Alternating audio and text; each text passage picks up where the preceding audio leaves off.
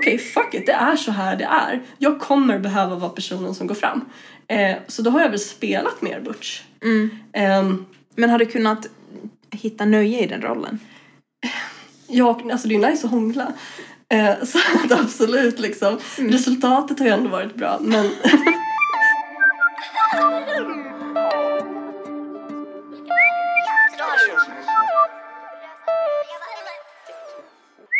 Sonja heter jag och du heter Daphne Andas. Perfekt. Vi är Genuint och den här podcasten kommer handla om Det kommer handla om relationer, våran roll i dem, eh, vad finns det för olika sorters relationer och vad har vi för behov av att klassificera relationer till exempel. Den här gången ska vi prata om det att vara eh, mindre genuin kan man säga.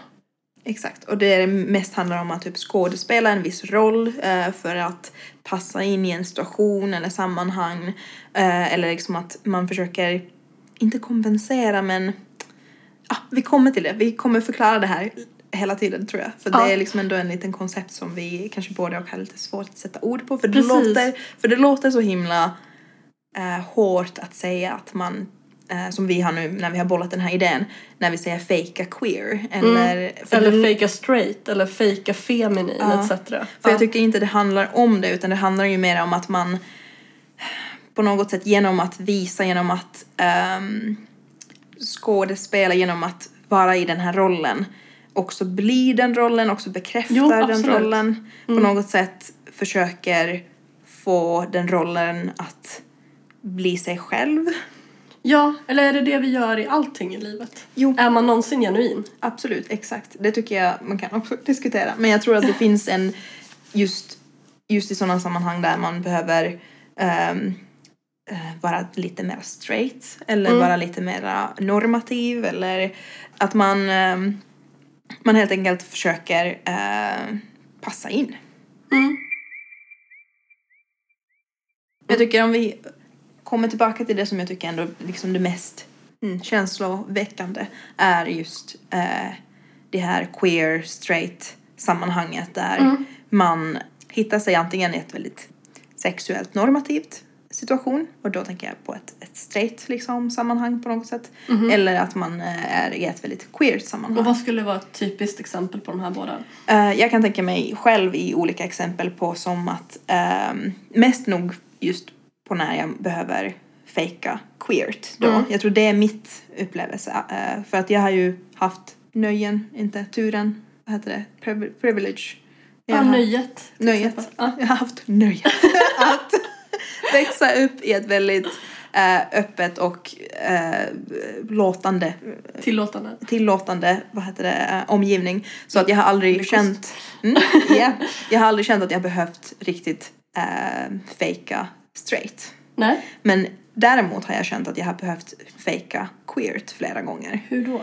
Eh, till exempel om jag har gått till en pride-event, då har jag åtminstone försökt se till att okej, men jag ska se ut lite mer queer. Men hur ser man lite mer queer ut? Well, that's about stereotypes, honey. Ja, men ja, ja absolut. Och jag kommer säkert snacka om det också. Men berätta, vad, vad är det för stereotyper? Okej, så för mig eftersom det här handlar ju också om att hur mycket ska vi prata om våra egna sexualiteter? Det kanske är väldigt viktigt och intressant för att fast, fatta sammanhanget. Men jag identifierar mig som mm, ungefär bisexuell, tror jag. Men okej, Det är en bra definition, jag, jag köper den. thanks. Men så att jag ehm, ser ju ut väldigt feminin. Ja. Jag tror att det är det som jag uttrycker till Aha. världen. Liksom. Så att om jag har varit i en queer-sammanhang, till exempel Pride, Mhm. så har jag kanske försökt klä mig mera killigt.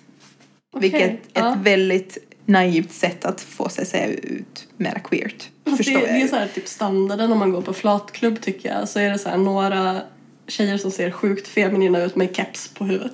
Ja. Ja, Ja. så man bara så här, du behövde inte kepsen, du ville bara ha någonting att markera typ att så här, I'm, I'm into this. Ja, och jag gillar looken liksom, det är okej. Men jag undrar hur många genuint menar att de vill Alltså sen blir det ju också någon slags trend och någon slags Mm. sådär att aesthetic. Så att man gillar det också på det sättet. Men jag tror att det handlar just mycket om det där att man behöver ha någon visuell indication. Men det där liksom. tycker jag är intressant. Alltså jag tänker typ när jag eh, kom ut på riktigt.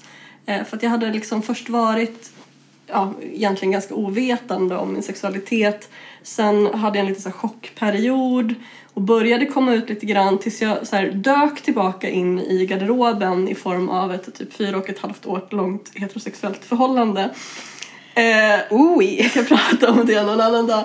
Men i vilket fall, när jag kom ut ur det så minns jag att det var så viktigt för mig att markera. Så det första jag gjorde då var att gräva i så garderoben och så hittade jag typ någon så här, ja men du vet så här vitt typ så tanktop liksom linne.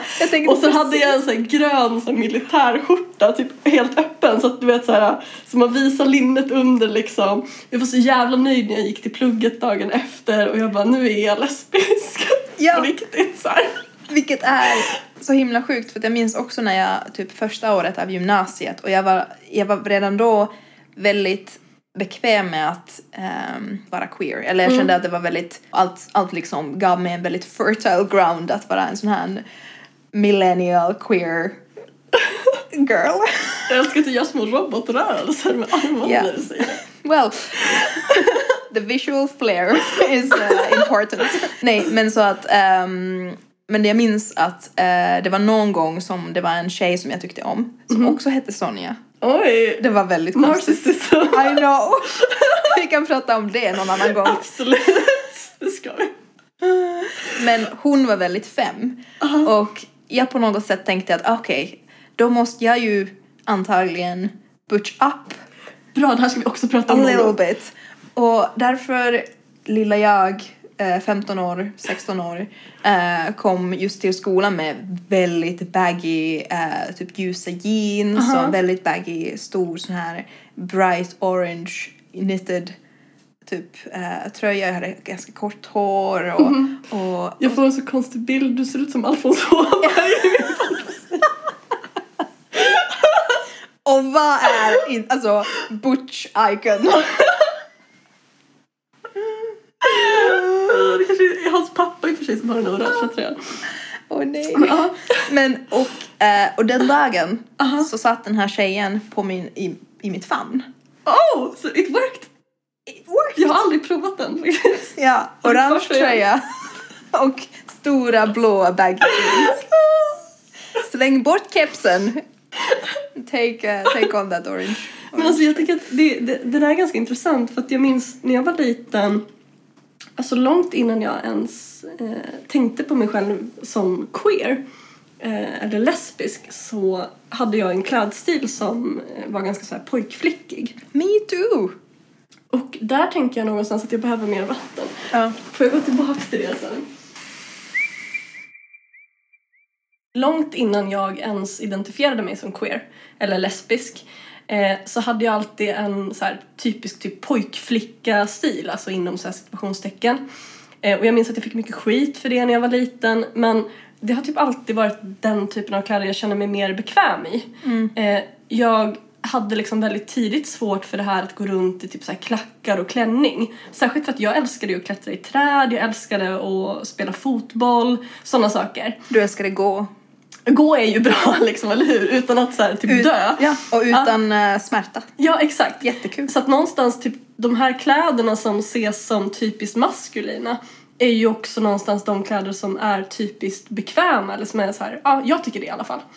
Eh, så att någonstans har jag tänkt tanken att det kanske inte bara handlar om att man försöker spela.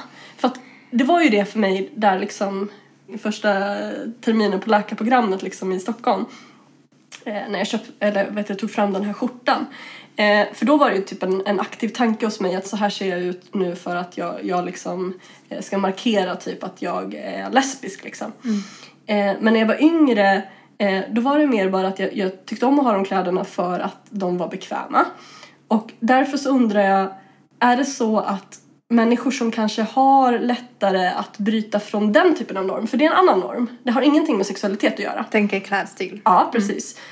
Det att vara typiskt, alltså kvinnoroll eller mansroll om man, om man vill tänka så binärt liksom. Det finns ju jättetypiska så här, idéer på vad som är maskulint och vad som är feminint. Eh, är det så att man redan har förstått att man kan bryta mot de reglerna Eh, och väljer att göra det, har man då enklare att, att bejaka sin egen sexualitet? För det är någonting jag tänker. Jag tror ju någonstans att alla människor på den här jorden eh, är liksom någonstans på så här, pansexualitets så här, spektrat. Eh, snarare än att det finns sådana här extremer. Jag tror inte riktigt på det. Jag tror att de är sociala konstruktioner. Och jag tror att människan rent biologiskt eh, är pan- pansexuell.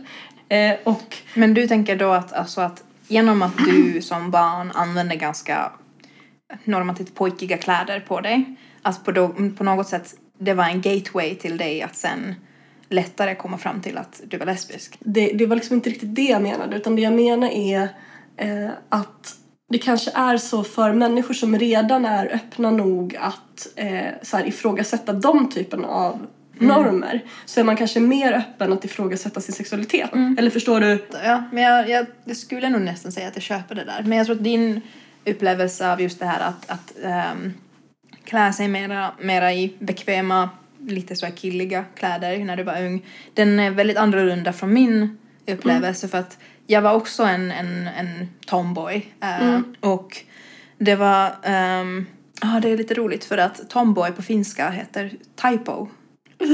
Ja. På riktigt? Ja. Nu när jag tänker på det. Anyway, det var min, para- det var min Vadå parentes. man säger typo? Ja, typ Ah, ja, okej. Tyttö, pojka, eh, flicka, pojke. tyttö, Okej, som pojk-flicka på svenska. Exakt. Ja. Mm. Typ. Anyway, så när jag klädde mig så så handlade det väldigt mycket om, jag minns väldigt tydliga gånger att jag kanske inte först hade tänkt på det utan jag bara klädde mig som du säger väldigt bekvämt.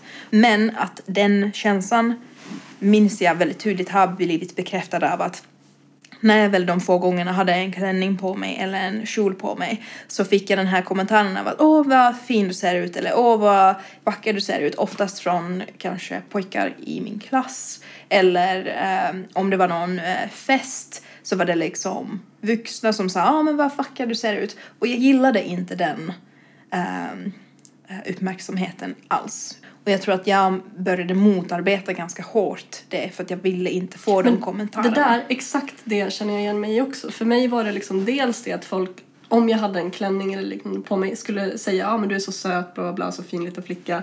Eh, men för mig hemifrån så var det som att mina föräldrar var väldigt mycket på mig eh, med hur man skulle bete sig som typisk flicka. Och jag fick en så total, typ, ja men jag ville göra tvärtom allting de sa för att jag blev så arg. Som att jag kunde sitta och leka med någonting och vara jättenöjd och så kommer de med en sån Barbie-docka, du ska leka med den här för det här leker flickor med. Eller du ska leka med det här dockhuset för det le- leker flickor med. Och det fick mig, alltså jag spolade faktiskt ner min Barbie i toaletten eh, vid ett tillfälle liksom. Eh, och inte för att jag liksom så tycker att det är något fel med att leka med Barbie. Jag hade kanske gjort det om de hade lämnat dockan där och låtit mig välja. Men det var det, just det här liksom tvånget. Att jag förstod att för mig gäller andra regler än för mina killkompisar som bor på andra sidan gatan. Liksom. Eh, för mig gäller att jag måste göra det här.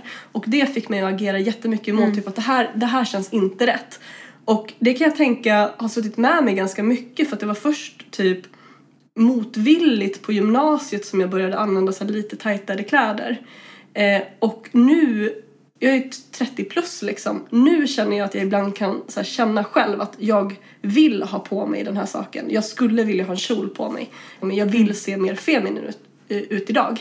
Men det har dröjt liksom, jag kände knappt det under 20-årsåldern utan det har liksom verkligen varit så här, ett litet trauma för mig Men det- sen dess. Men det där tycker jag också för att det är en utveckling som jag har märkt nu. Att absolut, jag hade när jag gick gymnasiet och grundskolan då, då hade jag några veckor då jag ville ha en kjol på mig och kanske känna mig mera eh, feminin. Och i eh, gymnasiet så hade jag högklackar på mig då och då. Men jag märkte bara att, eh, att det var obekvämt för mig. Jag hade kanske dåliga skor men det var, jag kunde inte springa till bussen typ. Det var bara Det är ett real problem. Ja, det var, det var opraktiskt och då, då, eh, då har jag bara slutat med det. Nu, jag är ju under 30 då. Eh, och jag har nog märkt väldigt starkt att då och då vill jag verkligen eh, klä mig mycket mer feminint. Och, och verkligen sådär ha en, en, en kjol som är ganska tight eller att, att ha, men fortfarande inte högklackar. Jag vet, vet inte för jag tycker de är väldigt vackra på andra personer och jag skulle önska mig och jag tycker det är liksom en fin feminin klang på dem. I don't know. Men, du menar eh, när man så går, går som ja. boss lady Ja, walking exactly. korridor. Och den gör ju en väldigt fin grej med, med hur man håller sig. Man Ja fast ju... det är inte bra, alltså det är verkligen inte bra för hållningen. eh, Whatever. kroppen. When has beauty ever been good for you? Men När man vill ligga. Exactly. Ja, nej men äh, äh, tala om det. Jag tror att den här känslan av att jag vill uttrycka mig mera feminint är har också kommit, och det här är jättelöjligt och hemskt egentligen men jag vet inte om det är dåligt eller bra men jag I will spit it out, är att den behoven att sig mera feminint har kommit också när jag har blivit tillsammans med min partner som är man. Och 100% ja. För att precis så var det för mig också. Jag har varit tillsammans med en kille i mitt liv. Eh, cheers till honom, jättetrevlig kille. Eh, bra som vän och sådär. Eh, men det kändes verkligen som, som att jag tog på mig kvinnorollen mer så som jag förstod att den var liksom. Eh, och att jag eh, ibland med så uppmaning från honom men ibland helt självmant försökte vara mer tjejig. Eh, och inte bara i klädsel utan också hur jag betedde mig. Ja, det där tror jag inte att jag har. Jag, jag, jag hoppas, alltså det är också någonting som man måste ju kunna förstå om sig själv och jag tror inte att jag beter mig mer kvinnligt utan det handlar mer om just om att på något sätt är det ganska skönt att plötsligt liksom jag vet inte, känna att man är feminin och det är någonting väldigt vackert och det är någonting som någon annan kan bli attraherad av.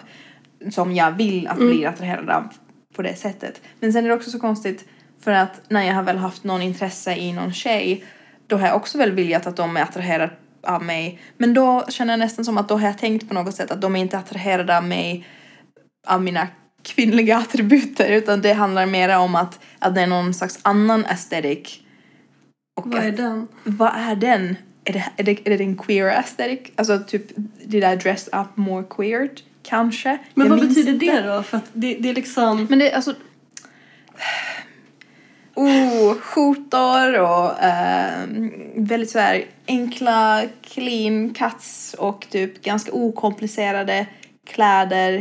Uh, vad är det för något? Ha- hattar? Nej. Åh vänta, jag har den hatten! Men, men våra lyssnare kan ju inte, kan, kan inte se hatten. Jag har den hatten! Oh my god. Nu ser jag inte lesbisk ut. Ehm, för er som undrar har jag nu sprungit och hämtat min så här gubbkeps. Jag har en golfkeps skulle jag också säga. Typ, Ja. Eller någon sån här keps som en uh, irländsk jägare skulle ha på Jag tänkte mer någon som sitter på en pub 1900-talet. och sjunger. Min så favorita ehm, så tomboy eller så här queer utstyrsel om jag faktiskt vill så här, ja men så här go over the top. Ja. Då ser jag ut som ett tidningsbud från 30-talet.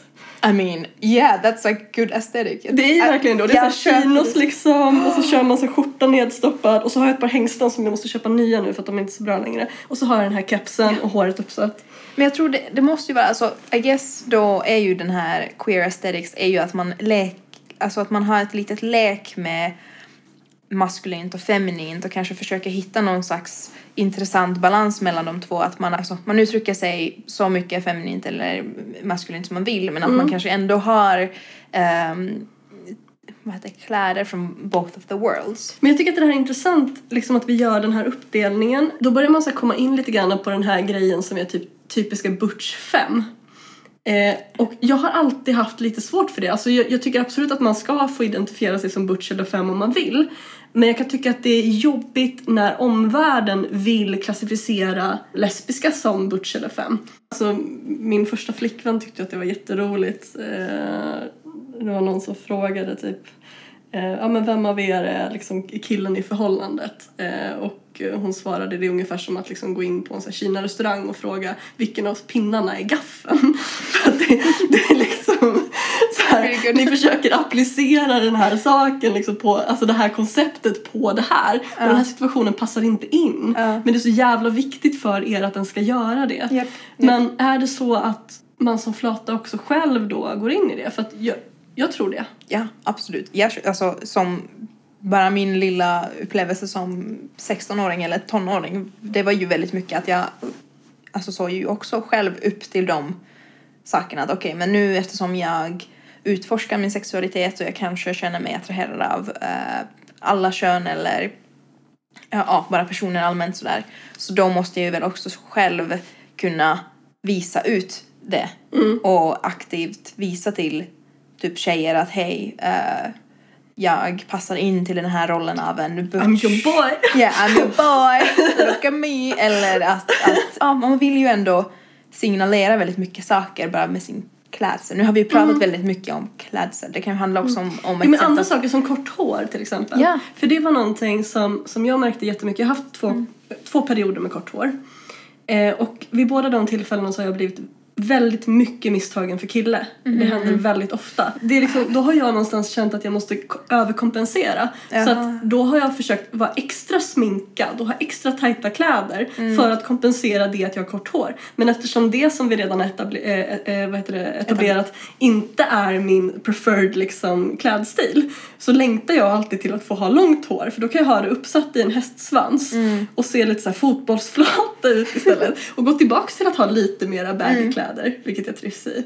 Jag vill ändå påstå att, att det finns ehm, situationer då man har hittat ett, ett sätt att faktiskt uttrycka sig själv. Inte alla de här olika feminina och maskulina och butch och fem utan man faktiskt har hittat att Alltså att jag tror absolut att det finns vissa som tycker om att klä sig eller bete sig på ett visst sätt bara för att de verkligen känner sig hemma i det. Och utanför till exempel till mig eller dig så ser det okej men det där är en, en person som spelar butch. Men kanske den spelar inte butch utan Det kanske den, bara är så. den exakt. är så. Exakt. Och, det är det jag önskar att man kunde komma fram till. Mm, Varför alla måste ni sätta ett fucking namn på det? Om Mm. du vill kalla dig själv för Butch, please go ahead. Vill du kalla dig själv fem, gör det. Vill du bara kunna gå runt med kläder eh, och liksom, alltså, som kanske är då min så här tidningsbruds, eh, vad heter det, klädsel och inte bli kallad för Butch, varför kan jag inte få göra det? Varför kan jag inte bara få vara jag? Jag Nej, kan känna mig coolt. fången i det. Att, Mm. att det är som att någon har redan så här etablerat vad är Daphne? Daphne är de här sakerna. Men Daphne kan vara de andra sakerna också. Det är det som irriterar mig. Mm, Jag tycker om att, att kunna liksom uttrycka hela min person och att det kan variera från stund till stund Mm. eh, vad jag vill vara. Eh, och, och att det inte behöver sitta ihop med, med någonting så ytligt som mina kläder. Det här med att spela hetero. Tror du att det var någonting man gjorde förr i tiden? Typ Selma Lagerlöf, behövde hon spela straight? Oh, jag har ingen aning om det. Men vi har ett gästinhopp av Moa Svan som kanske kan svara på det. Moa Svans historiska vingslag.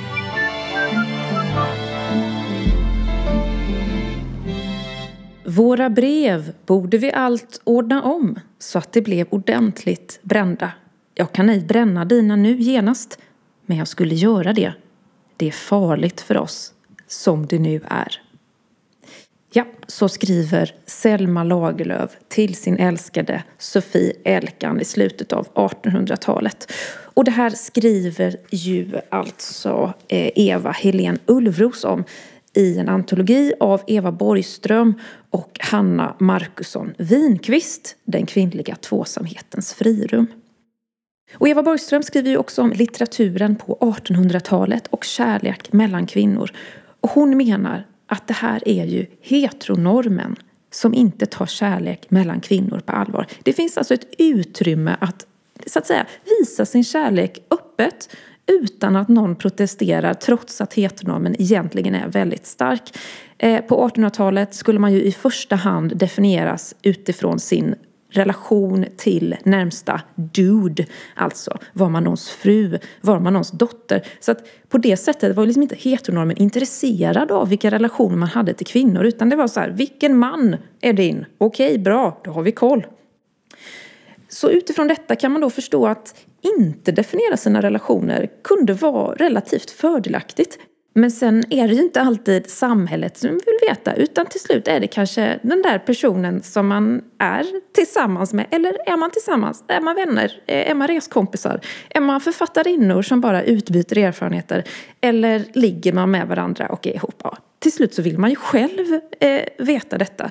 Och det ville ju Selma Lagerlöf såklart veta. Eh, och här finns bevarat Sofie Elkans svar och en tydlig markering eller nej, jag ska inte säga tydlig. Eh, hon skriver ju på ett väldigt otydligt sätt faktiskt, eh, Sofie Elkan velade ganska mycket fram och tillbaka. Hon skriver 1899, eh, som Eva Helén Ulvros visat, så här, och nu citerar jag. Sofie Elkan till Selma Lagerlöf.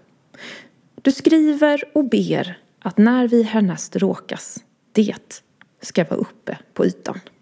Menar du att du ska få kyssa och smeka mig så där som förr? Nej, det kan jag inte. Men jag ska visa dig hur jag håller av dig och du ska få vara så kär som du vill endast, citat, hands off. Ja, hon skriver så alltså, Sofia Elkan. Hands off. Fortsätter. Vi står ju varandra så nära som aldrig förr. Jag har aldrig sagt nej åt kärlek. Men jag tycker en gång inte om att bli mycket smekt. Och jag tål inte heller vid det. Det vet du. Okej, tack för det, Sofie Elkan. Mästare i att klargöra på ett mycket oklart sätt. Eh, och här vill jag ju slutligen då rekommendera alla kärlekskränkade förvirrade damer att läsa den här kvinnliga tvåsamhetens frirum. En bok av Eva Borgström och Hanna Markusson Winqvist för att lära sig mer av historiens praktkvinnor och hur de har hanterat relationerna till varandra. Tack så jättemycket Moa för det. Tack Moa. Eh, jag tänkte på när jag lyssnade på det där att eh, det låter faktiskt väldigt likt med det här med att definiera sina relationer. Det låter ju som Mm. Ja. någonting som vi har pratat om tidigare. Exakt i första avsnittet. Exakt. Så jag tycker att alla som lyssnar kan eh, gå tillbaka till det första avsnittet och eh, lyssna det i efterhand om ni Precis. inte har lyssnat. Det var kanske bara det hon höll på med det här, så här hands-off grejen. Hon vill ha lite relationsanarki. Jag vill inte definiera oss. Exakt! Ah, makes sense. Okej, beskriv någon situation då som du har behövt antingen fejka queert eller fejka straight. Och vad hade det då handlat om? Om jag har varit på en klubb eller om det är på Tinder eller liknande så märker jag att det oftare är en expectation att jag ska vara den som tar initiativ. Och det kände jag var mycket mer tydligt också när jag hade kort hår. Det hängde ihop så jävla mycket med det. Eh, och, och att det liksom var så underförstått att typ någon tittar på den och ler lite grann men det är underförstått att det är jag som måste aktivt gå fram till den personen.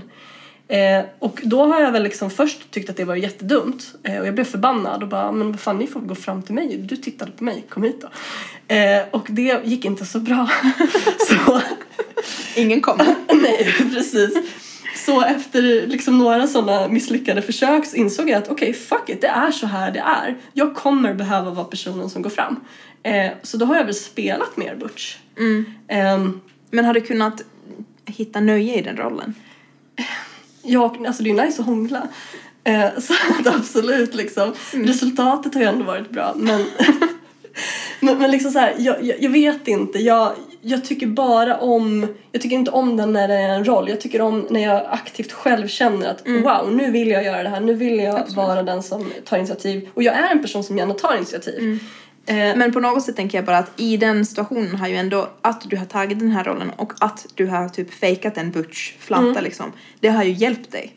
På Mm. Jo, något sätt. Men det har du, och det. har du känt dig bekväm i den? Har nej, du känt... alltså nej. jag har känt mig, jag har känt att jag har fejkat. Ja, okej. Eh, och, och det har stört mig väldigt mycket. Precis som jag ibland har kunnat känna att jag har fejkat feminin. Eh, som liksom, ja men typ har en lite för, för flickig klänning eller någonting på något här bröllop. Eh, Ja. Eller typ så här när jag skulle ta examen eller någonting och så verkligen så här, tänka mycket på att så fixa hår och smink. Eh, och så är det så konstigt för att man går ut i samhället och jag tycker att det är en sån skillnad på hur man blir behandlad. Dels det att män tittar på mig på ett annat sätt om jag försöker spela feminin. Eh, och att busschaufförer är trevligare, alltså folk i kassor är trevligare om jag bara går in i den här rollen som, som är förutbestämd för mig. När jag var 14 och över Mm. eh, och jag gick på en sån här, um, hur ska jag säga, en veckohäng med queer teenagers. Veckohäng, fan vad fett. det var den sammanhangen, att Mm. jag gick dit väldigt ofta, alltså en gång i veckan och hängde med andra ehm, queer-ungdomar som ja, på något sätt ha- hade börjat tänka på sin sexualitet Mm. och visste att den inte var helt normativ. Ehm, eh, och sen uh, Pride-paraden i eh, Stockholm och i Helsingfors.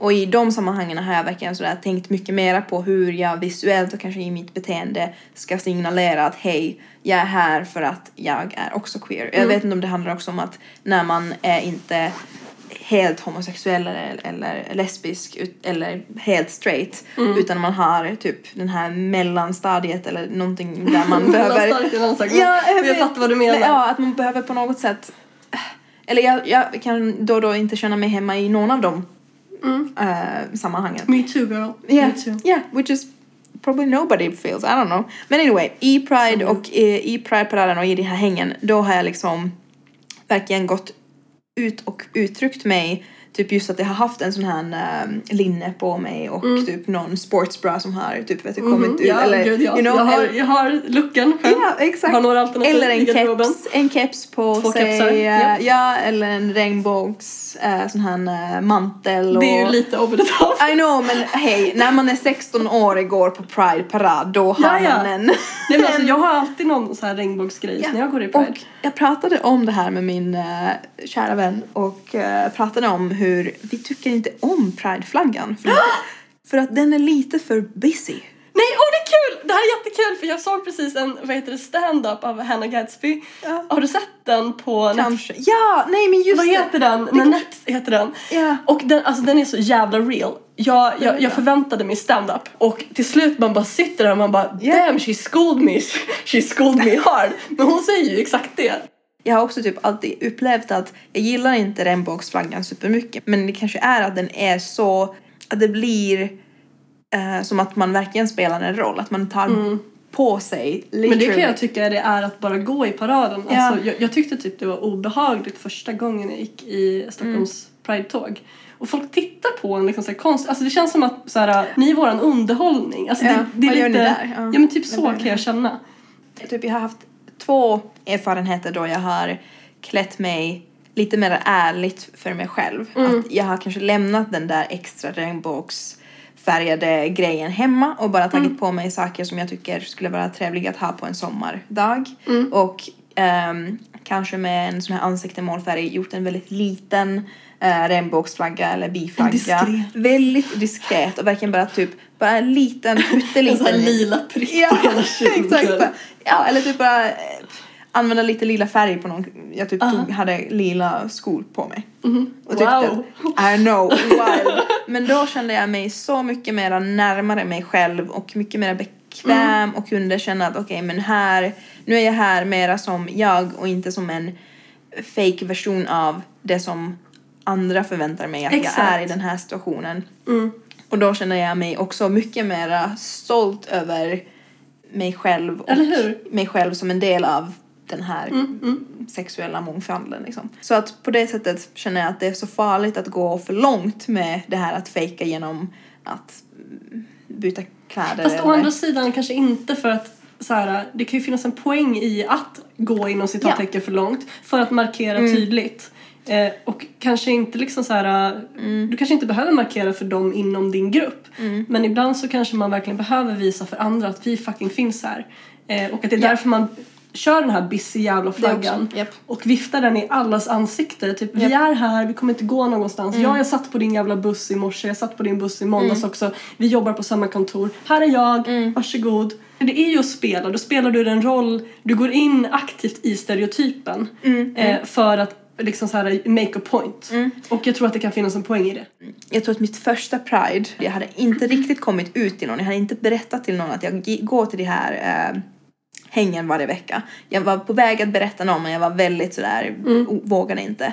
Eh, mitt första Pride då, jag är först i den här ungdomsdelen i paraden. Håller eh, en riktigt stor eh, rosa unicorn som vi har lagat. Perfekt. Och sen fattar jag också att, aha, jag är inte bara första i den här ungdomsdelen utan vi är de andra i hela tåget. Så alla ser det. Ja, innan oss är bara politikerna. Men då kändes det kändes ju väldigt starkt och bra. Det var ju väldigt viktigt för mig då. Så att det var ju också hjälpsamt med alla Ja. de här grejerna. Att, att jag verkligen behövde gå ut utanför min comfort zone och verkligen fejka väldigt hårt ändå på ett sätt.